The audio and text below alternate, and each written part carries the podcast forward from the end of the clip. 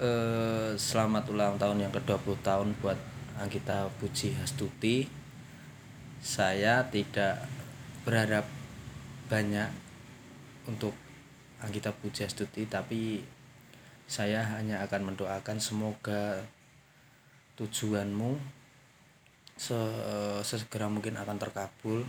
Saya, saya hanya bisa mendoakan itu karena kamu sudah besar pastinya kamu sudah punya tujuan untuk hidup karena seseorang yang punya tujuan untuk hidup dia akan sulit untuk ditumbangkan dan dikalahkan.